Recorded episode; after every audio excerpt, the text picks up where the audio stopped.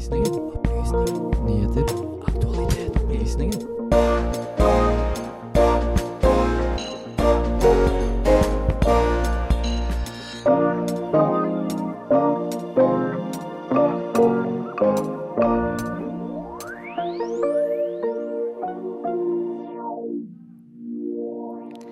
Netflix setter en strek over alle russiskproduserte serier.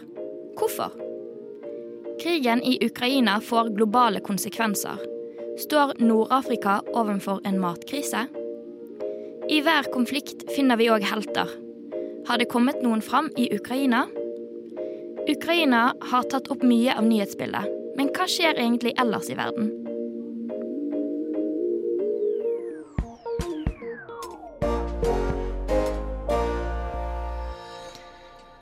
Morgen og velkommen til en ny sending her hos oss i Opplysningen på Radio Nova, hvor du òg får høre litt mer fra menneskene som var samlet utenfor Stortinget på tirsdag for å vise sin solidaritet til Ukraina. Jeg heter Lise Benus, og jeg skal føre deg gjennom denne timen med masse god journalistikk. Og med meg her i studio har jeg Emma Nordsteinen. Hei, hei. Og jeg har med meg Amalie Sundby. God morgen. Ingenting. God morgen. sånn kan det gå. Litt eh, teknisk kluss er nesten nødvendig. Det er tross alt studentradio.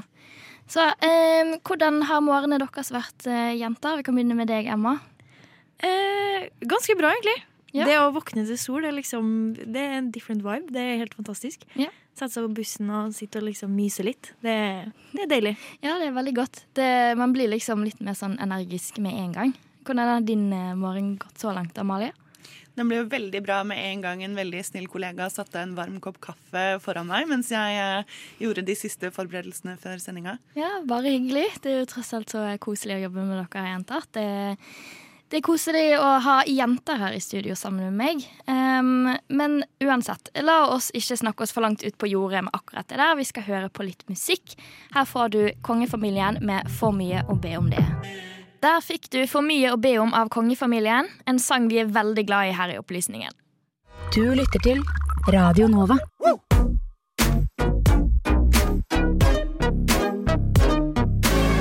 Radio Nova.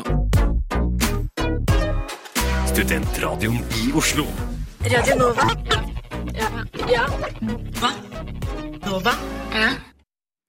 Det er fortsatt krig i Ukraina, eh, og det har ført til en rekke sanksjoner mot Russland. Men det er ikke alle som kan legge ned økonomiske sanksjoner mot landet, Emma.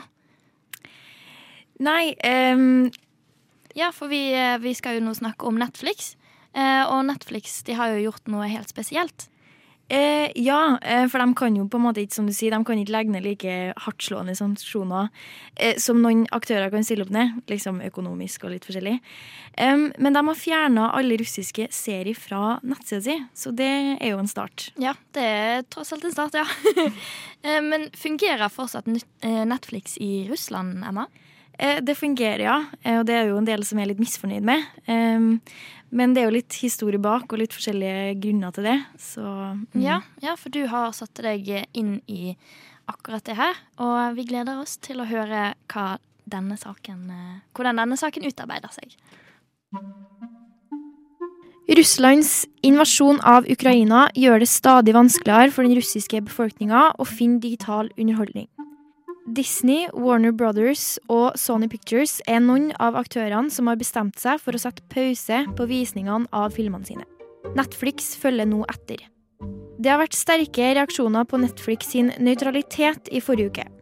Hashtagger på Twitter som eh, Netflix supporting Russia og cancel Netflix har florert med forventninger om at Netflix skal velge side i Ukraina- og Russland-konflikten.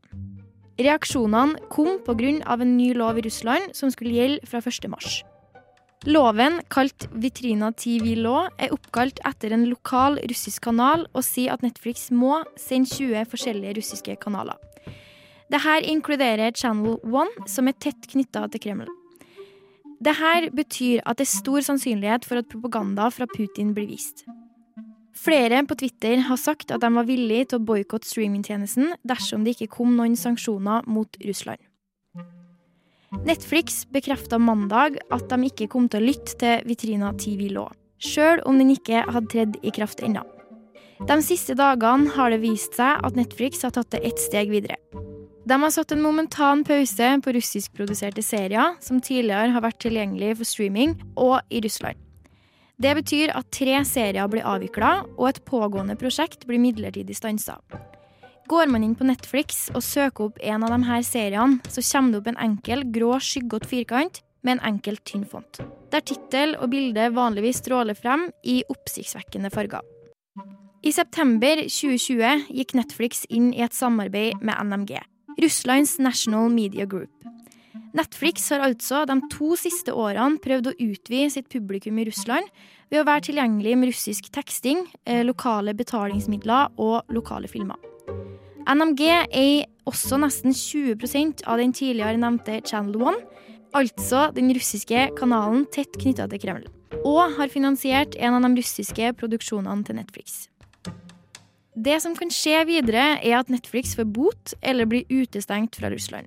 Roskomnadzor, Russlands organ for tilsyn og overvåkning av kommunikasjon, informasjonsteknologi og massemedia, har ennå ikke respondert på de avvikla produksjonene og muligheten for sterke reaksjoner og sanksjoner fra Netflix. Dette gjør det spennende å se hvordan sanksjonene blir tatt imot, og hvordan økonomien til Netflix kan bli påvirka av dette. Netflix står igjen med et valg mellom å miste subskripsjoner i Vesten, eller å mulig miste finansiering fra NMG. Vi i Opplysningen skal følge nøye med videre. Medvirkende i denne saken var Emma Nordsteinen, og lyden var hentet fra session.blue. Men nå skal vi ta oss en liten musikkpause her i Opplysningen. Det du får på øret, er 'Skjønte ikke at du var borte' av Klossmajor. Eh, sangen du fikk der, eh, var 'Skjønte ikke at du var borte' av Klossmajor Feet eh, Ravi. Og det er altså så provoserende at folk tror at vi tuller, men vi gjør ikke det, altså. Dessverre. Opplysningen på Radio Nova. Aldri redd, alltid balansert. Amalie, på møtet på mandag, redaksjonsmøtet vårt, så kom du med en litt interessant tanke. Eh, som handlet om eh, konflikten og konsekvensene rundt det. Ja, eh, faktisk allerede fredag forrige uke eh, så kunne jeg lese da i afrikanske medier at de var bekymret for eh, at det kunne bli matkrise med tanke på krigen i Ukraina. Ja, for Ukraina er jo en ganske stor produsent av en viss matvare som flere land i Afrika er relativt avhengige av. Eh, og det er jo gjerne noe ikke man nødvendigvis tenker på når det kommer til konflikter i Europa. Konsekvensene de kan ha for andre land i Afrika. jeg tenker vi bare hører på den saken, jeg. her får du Amalie sin spennelse. Den siste uken har det vært skrevet og sagt mye om krigen i Ukraina. Vi har sett bilder av lokale som lider under forholdene, men hvordan påvirker krigen resten av verden? Det er vår, og i løpet av de neste månedene skal ukrainske bønder så nesten 30 millioner tonn hvete. Landet har vanligvis et stort overskudd, og sammen med Russland og Kasakhstan står de for en tredjedel av den globale hveteeksporten. Et av landene som er avhengig av denne eksporten, er Tunisia. Jeg heter Sohir Smantar, og jeg kommer fra Tunisia. Vi i tunis, tunisisk kultur vi eh, spiser brød hver dag. Det finnes eh, mye bekymring i Tunisia pga. hvetemangel. Også fordi Tunisia de importerer kanskje ca. mellom 47 til 50% av hvete fra Ukraina. Og nå det blir kaos pga. det. Kanskje 80 av kostholdet i Tunisia er laget av fett fordi vi har eh, brød, eh, pasta, ris, couscous, kaker. Jeg ringte statssekretær Christian Anton Smedshaug i Klima- og miljødepartementet for å få vite mer om situasjonen.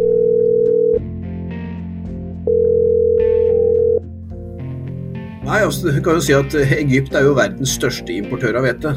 Eh, det er hvete som er liksom basismatvaren i eh, Egypt, da, som er basis for eh, brød og den brødkulturen de har, som er ganske utviklet. Du sier si at de skal ha 8-9 millioner tonn hvete i det er betydelig. Vi importerer kanskje et par hundre tusen tonn mathvete, sånn til sammenligning.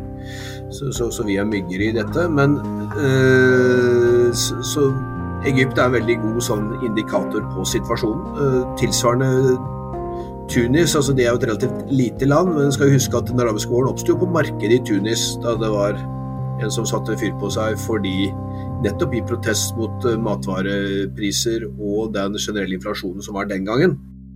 Flere nordafrikanske medier uttrykker nå bekymring for hva som skal skje dersom hvetene fra Svartehavet uteblir.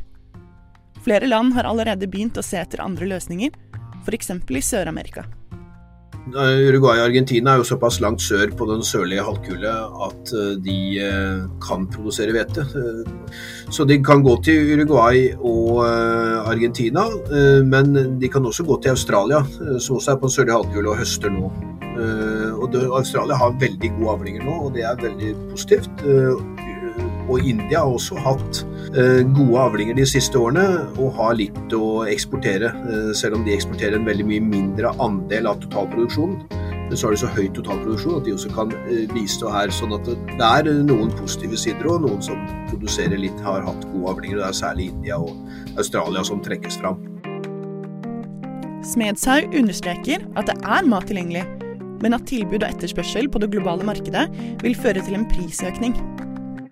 Det som for så vidt er eh, viktig å huske på, at det er jo ikke sånn at det ikke er mat tilgjengelig i dag, og det ikke er hvete tilgjengelig, men pga. at prisen er ganske høy, sånn at du tar ut da de som har lav kjøpekraft, de opplever da knapphet, og så blir det dyrere i nord. Det er jo egentlig situasjonen og det vi, det vi forventer oss. sånn at eh, Den største utfordringen her nå, det er jo å få eh, en beredskap internasjonalt, også kanskje ved det internasjonale matvareprogrammet i eh, Roma, altså, som jo også fikk Nobels fredspris eh, nylig. Eh, nettopp å, å, holde de på så høyt nivå at man kan være med å stabilisere så godt man kan på særlig de landene i sør hvor kjøpekraften er svak, og hvor de prisnivåene nå vil bli veldig problematiske å håndtere.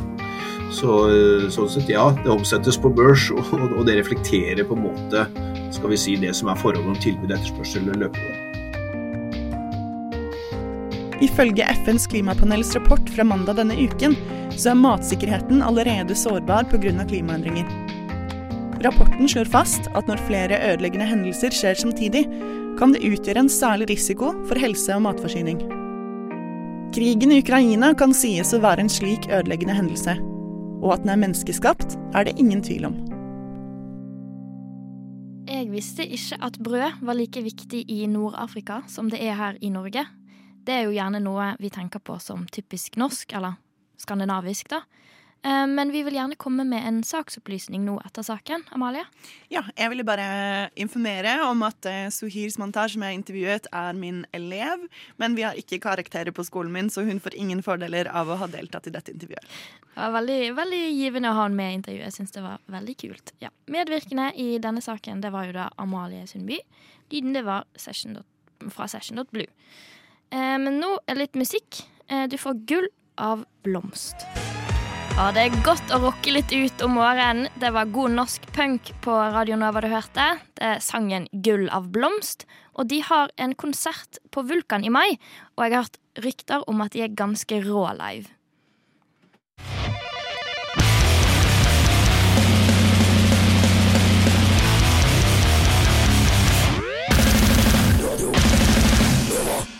Hold kjeft.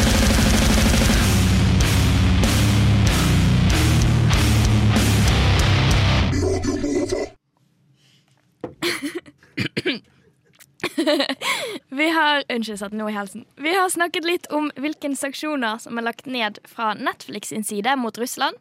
Men det er jo selvfølgelig flere bedrifter og organisasjoner som har lagt ned sanksjoner eller jobbet mot Russland for å vise sin støtte til Ukraina. Dette er noe du har lest deg opp på, Amalie? Ja, eh, jeg leste litt eh, om det, og så fant jeg en eh, kampanje av Anonymous som jeg syns var ganske finurlig. De forsøker jo da å informere russere om hva som skjer i Ukraina, og få dem også til å kunne få en plattform for å si hva de mener. Det er jo litt vanskelig for russere å få kommunisert det de vil på internett fordi det er så statsstyrt. Eh, men Anonymous har da et nytt forslag, og det er nemlig at eh, russere skal gå inn på nettsidene til restaurantene og legge igjen en anmeldelse. Og da har Anonymous til og med laget et forslag til hva de kan skrive. De mener at de skal gi dem fem stjerner å skrive Beklager. Eh, maten var veldig god, men det russiske angrepet på Ukraina har fått meg til å miste appetitten. Ja, det er jo ganske spenstig. Det var eh, ganske fint, eh, fint skrevet. det er god, god idé fra Anonymous sin side, rett og slett. Eh, ja. Eh, da har vi òg hatt en eh, Vår reporter, Daniel Johansen, som har intervjuet litt mennesker eh, som her i Norge har forsøkt å vise sin solidaritet til Ukraina ved å møte opp utenfor Stortinget. Jeg tenker det er bare Putins ansvar. Det er han som skaper dette hele konflikten. Natalia Solutka var en av de rundt 300 som hadde møtt opp utenfor Stortinget på tirsdag for å delta i støttemarkeringen for Ukraina i regi Ukrainsk forening Øst-Norge. Hennes motivasjon var klar. Nei, for Det berører meg direkte. og Jeg har familie der. Jeg har faren, jeg har uh, kusina mi, søskenbarn er der. De sitter i kjelleren. og gjemmer seg og føler på dette. Jeg kan ikke sitte stille her. Det er en skjebnetid for uh, Ukraina. Men med den motstandviljen de nå viser, så er det jo de nå som virkelig slåss for frihet og demokrati i Ukraina, men også på vegne av Europa. Det sier stortingspolitiker for Venstre Ola Elvestuen, som også hadde møtt opp utenfor Stortinget. Han hadde en klar oppfordring om hva Norge og Europa må gjøre for å hjelpe ukrainerne i kampen mot russerne. Og at vi som Europa, inkludert Norge, gjør det vi kan for å støtte opp under deres kamp. Og det må skje raskt. Det må skje gjennom eh, militær støtte med våpen, som også Norge har eh, endelig åpnet eh, opp for. Annet utstyr som de trenger. Økonomisk støtte som eh, de vil trenge og så må vi stoppe all pengestrøm til Russland så raskt som mulig, som vi klarer å Natalia er enig i at Norge og Europa har tatt livsnødvendige grep for å hjelpe Ukraina i krigen, men er som Elvestuen enig i at Europa ikke har gjort nok? Ja, jeg syns Europa burde reagere litt før, men Norge kan bidra mye mer. Og dere får se det, det blir humanitær katastrofe. Det kommer veldig mange flyktninger. Det er det er ikke ferdig. Krigen er ikke ferdig. Ja, det er veldig sterke ord vi hører her. Det gjør det veldig nært når vi hører norske mennesker snakke om denne konflikten. Selv om det er Europa, så kan det virke som om det er veldig langt unna. Eh, reporter i denne saken, det var Daniel Johansen. Nå blir det litt eh, musikk. Det er Great Fruit med Arcade Love. Der fikk du Great Fruit med Arcade Love. What, what, what? Radionova er best. Alle andre er tapere. Radio Nova. Mm. Ukraina har vært stor i nyhetsbildet. Det er noe vi i Opplysningen 99,3 er ganske enig i. Det er tross alt en pressende sak. Det er nært oss i Norge, både med tanke på at Russland er vår nabo, og at Ukraina er i Europa.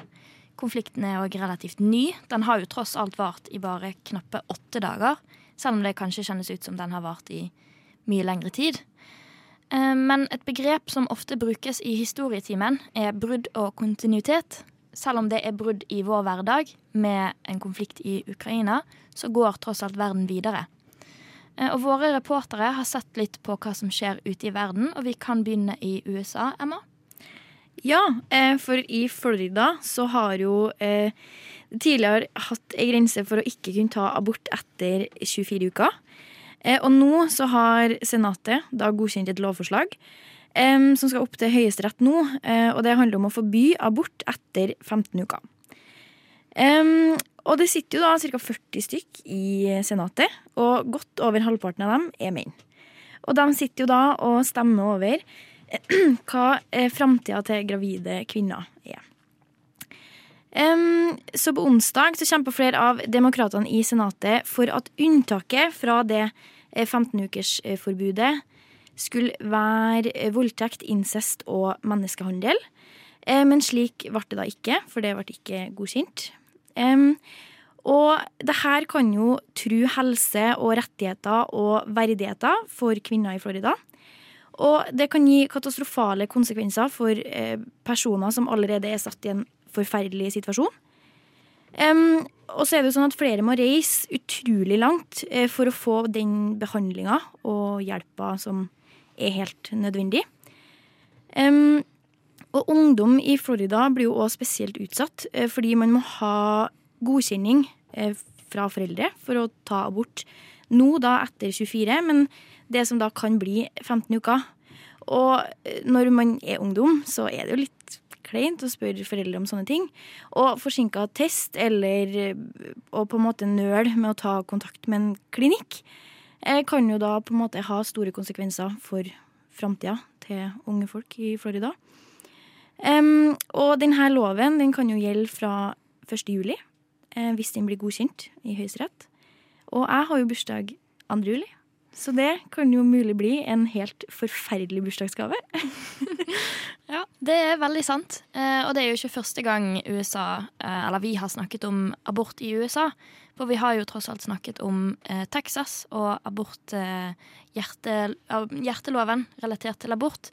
Hvis du ønsker å høre den, så kan du finne den i vårt podkastarkiv. Men vi går litt videre til nyere nyheter. For Amalie, du har lest deg litt opp på en sak i England.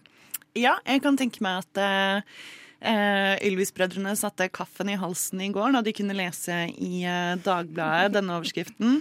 Stonehenge har løst mysteriet. Det er da nemlig en eh, professor, Timothy Darwell. Han har eh, eh, forsket på Stonehenge i over 20 år. Han har nå eh, publisert en eh, rapport hvor han eh, beskriver Stonehenge som en eh, kalender. Eh, en ganske moderne kalender, faktisk, eh, som også deler inn dagene i 365,25. Eh, altså tilsvarende vår, vår kalender, da. Han mener jo da at steinene representerer uker og måneder og så. Ja, så sykt kult. Da har vi alle sammen lært noe nytt. Eh, og så er det jo òg eh, eh, 8. mars neste uke. Eh, og da er det jo kvinnedagen, og da er det òg en marsj som går gjennom eh, Oslos gater. Vi oppfordrer alle sammen til å delta der. En annen ting som har skjedd i Norge, er jo det at klimarapporten har kommet. Eh, som varsler eh, Eller nødlampene blinker, som man kan si. Det er krise. um, men jeg sier takk til vår, våre journalister for disse oppdateringene. Å nei, vent! Vi hadde en oppdatering til! Vi En hadde veldig liten en. En veldig liten en, men fortsatt, fortsatt viktig og fortsatt koselig å få med seg når alle nyheter kan virke så nedslående. Ja, Snapchat har oppdatert funksjonene sine. Som noen kanskje har fått med seg, så kan man nå eh, bytte brukernavn. Eh, Så på en måte, i stedet for å hete Hestejenta123, så kan man bytte navnet sitt. Som da er fantastisk for dem som laga eh, brukernavnet sitt når de var 13. Um, I tillegg så har de nå kommet med en funksjon der man kan eh, dele um, posisjonen sin direkte med en annen venn. En såkalt um, følg meg hjem-funksjon. Eh, som da er helt fantastisk når byen åpner, og ja, man går mye hjem alene fra trikken eller ellers. Så det er jo spennende. Ja, Det er jo veldig fint for eh, alle oss som har eh, kompiser eller venninner som er veldig dårlige på å sende melding når de kommer seg hjem. Og man sitter jo hjemme og lurer på om de har eh, falt i en grøft og sovnet, eller om de faktisk har kommet seg helskinnet hjem. Men da tenker jeg at vi sier tusen takk til, til mine journalister, mine kjære journalister her i studio for disse nyhetsoppdateringene.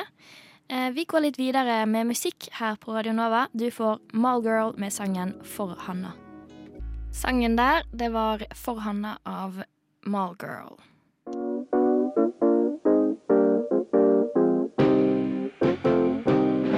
Du hører på Radio Novas samfunns- og aktualitetsmagasin Opplysningen. Hver fredag fra klokken 10 til 11 på Radio Nova. Opplysningen på Radio Nova.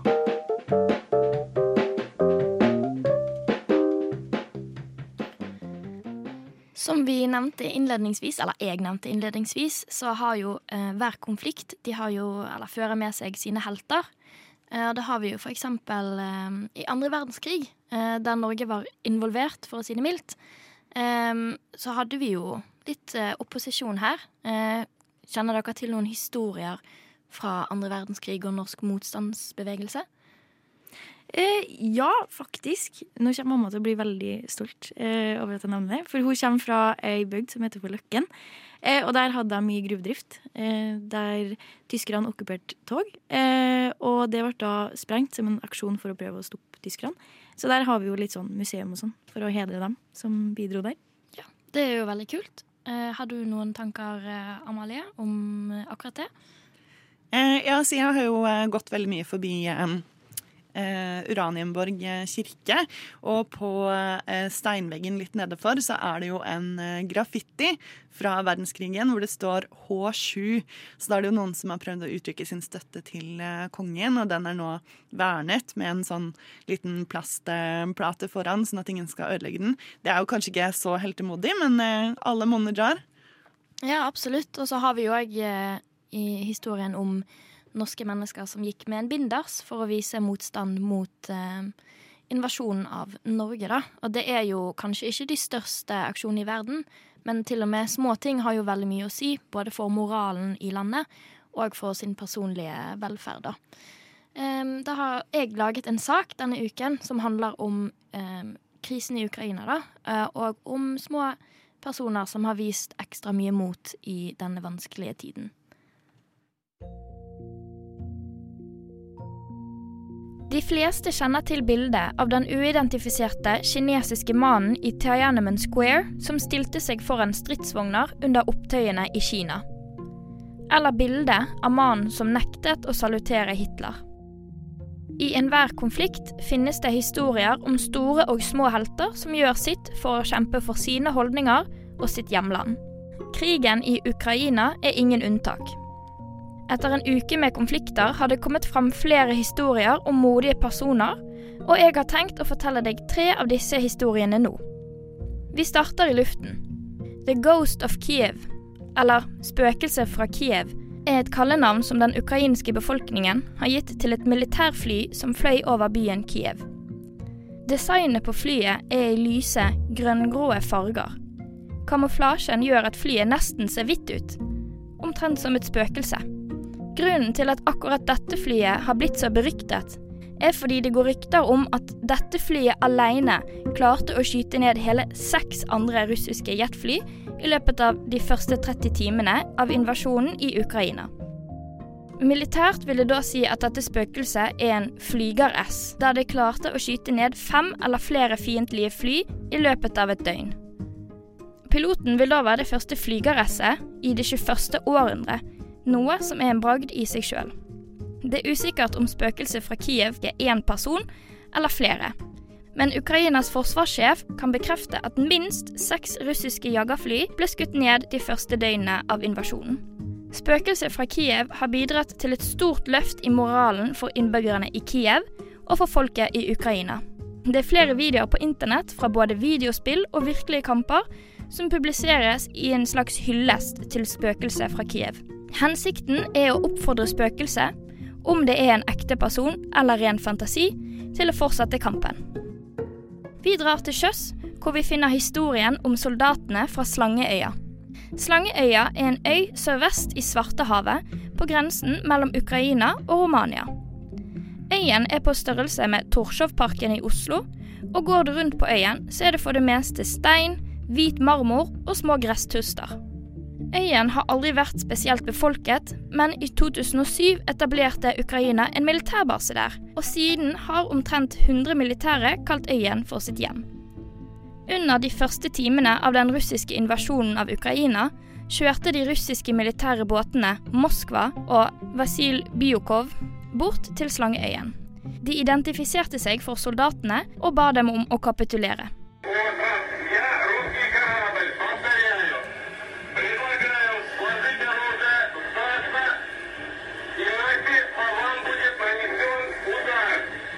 Men dette fant ikke soldatene seg i. De diskuterte seg imellom om hva de ønsket å svare, før de til slutt endte opp med den korte meldingen 'Russiske krigsskip, dra til helvete'. Lydopptaket av denne konfrontasjonen ble sendt til de ukrainske myndighetene, som så la lydklippet ut på internett. Der gikk det raskt viralt. Ettersom de ukrainske soldatene ikke overga seg, bombarderte de russiske styrkene den militære basen fra både hav og land. Samme kveld som konfrontasjonen fant sted, mistet det ukrainske fastlandet kommunikasjon med soldatene på øyen. Hvordan historien om soldatene på Slangeøya endte, er omstridt. De russiske myndighetene mener at soldatene på øyen enten ble drept eller tatt til fange etter angrepet til Russland. Dette var lenge det antatte utfallet. Den ukrainske grensevakten har derimot for noen dager siden kommet ut og sagt at det er en mulighet for at soldatene fortsatt er i live. Uansett skjebnen til soldatene er det få som vil glemme de hardslåtte ordene de slo tilbake med når de stirret ned løpet av den russiske kanonen. Vi avslutter med en historie fra bakken i konfliktherjede Ukraina. Det å ha familiemedlem ute i strid er aldri en lett opplevelse, uansett hvilken side av konflikten man står på. Det krever mot å kjempe, men det krever òg mye mot å vente på at soldatene skal komme hjem igjen. Det kommer mange historier gjennom om kvinner og eldre som står sammen og syr nett som militæret kan bruke til kamuflasje, mens de synger tradisjonelle ukrainske sanger for å holde motet oppe. Det er òg blitt filmet en video av en eldre kvinne som går til en tyngt bevæpnet russisk soldat og forlanger at han forteller henne hvorfor de er i byen hennes. Mot slutten av samtalen sier den eldre kvinnen til soldaten at han i det minste kan putte solsikkefrø i lommen hans, slik at det kan vokse fram blomster der han omsider skulle dø. Dette har en dobbelt betydning, da hun både har et håp om at han skal bli skutt i strid, og solsikken i seg sjøl, som er et sterkt ukrainsk symbol. Solsikken er nemlig nasjonalblomsten til Ukraina, og står for både lojalitet og optimisme. Disse historiene forteller om det motet man kan finne i de vanskelige situasjonene, og viser hvordan den ukrainske befolkningen står sammen overfor en større fiende. Reporter i denne saken det var meg, Lise Benus. Lyd var hentet fra Guardian News og Sessions.blue. Men nå skal vi høre litt musikk. I Heard The Things You Said av My Friend Joe. Der hørte du sangen I Heard The Things You Said av My Friend Joe, som er noen studenter som faktisk mikser sangene sine selv.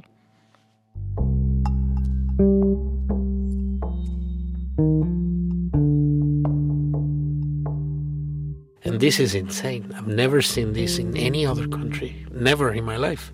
People eating from the trash, fighting about it. Eh, når så mange er ensomme, så ligger jo på en måte ikke dette på, på individet lenger. Det ligger på systemet. Vi er i ferd med å ødelegge evnen vår eh, permanent kognitivt i hjernen til å konsentrere oss over lengre tid. Radio Novas samfunns- og aktualitetsmagasin gir deg historiene, sakene og debattene andre overser. Aldri redd, alltid balansert. Opplysningen Det begynner dessverre klokken å krype seg mot elleve, og vi er snart nødt til å runde av her på Opplysningen. Men før det så har vi fått besøk av Selma fra Studentnyhetene. Hallo. Hallo. Hva er det dere har tenkt å snakke om i dag? Vi skal snakke om litt forskjellig. Eh, vi har snakket med Sex og Samfunn om at det er eh, en økning i antall studenter som tester seg for klamydia. Eh, vi skal også få besøk av Tuva, som er leder for Norsk studentorganisasjon. Så har vi snakket med Norsk Handikapforbund Ungdom, som skal fortelle oss litt om hvilke rettigheter studenter som har nedsatt funksjonsevne har. Så vi, vi skal snakke om ganske mye forskjellig, egentlig. Ja, det er absolutt ingen grunn til å gå vekk fra kanalen eller skru av Radio Nova. Det høres ut som en veldig spennende sending. Um, hva har dere tenkt å gjøre i helgen, da, jenter? Vi kan begynne med deg, Emma. Um, jeg skal spise indisk og feire bursdag ja. til venninne. Det høres ut som en kjempekoselig helg. Oh, yes. Og du da, Amalie, har du noen planer? Jeg håper å eh, løse Morgenblad-quizen sammen med søsteren min. Vi pleier å få 'Hvordan syns du selv det gikk?' ja. ja, ikke sant. Ja, jeg, jeg, skal ikke gjøre noe særlig stort. Jeg skal slappe av. Det er min første helg på lenge der jeg får slappet av. Eh, som òg er veldig deilig. Det er godt å gjøre ingenting. Og du, Selma? Hva skal du? Skal henge med mamma og pappa. De er kommet fra Stavanger, så det blir gøy. Det er veldig, veldig hyggelig. Men da tenker jeg at vi er nødt til å runde av her med opplysningen. Medvirkende denne uken har vært eh, Daniel Johansen, Amalie Sundby, Emma Nordsteinen og meg, eh, Lise Benus. I studio med meg har jeg hatt Emma Nordsteinen. God helg. God helg. Og Amalie Sundby. God helg til deg. God helg. Mitt navn er Lise Benus. Eh, nå eh, får du litt musikk. Du får eh, eh, hum, eh, Må ha litt Nei, må ha luft. Unnskyld. Av Humé.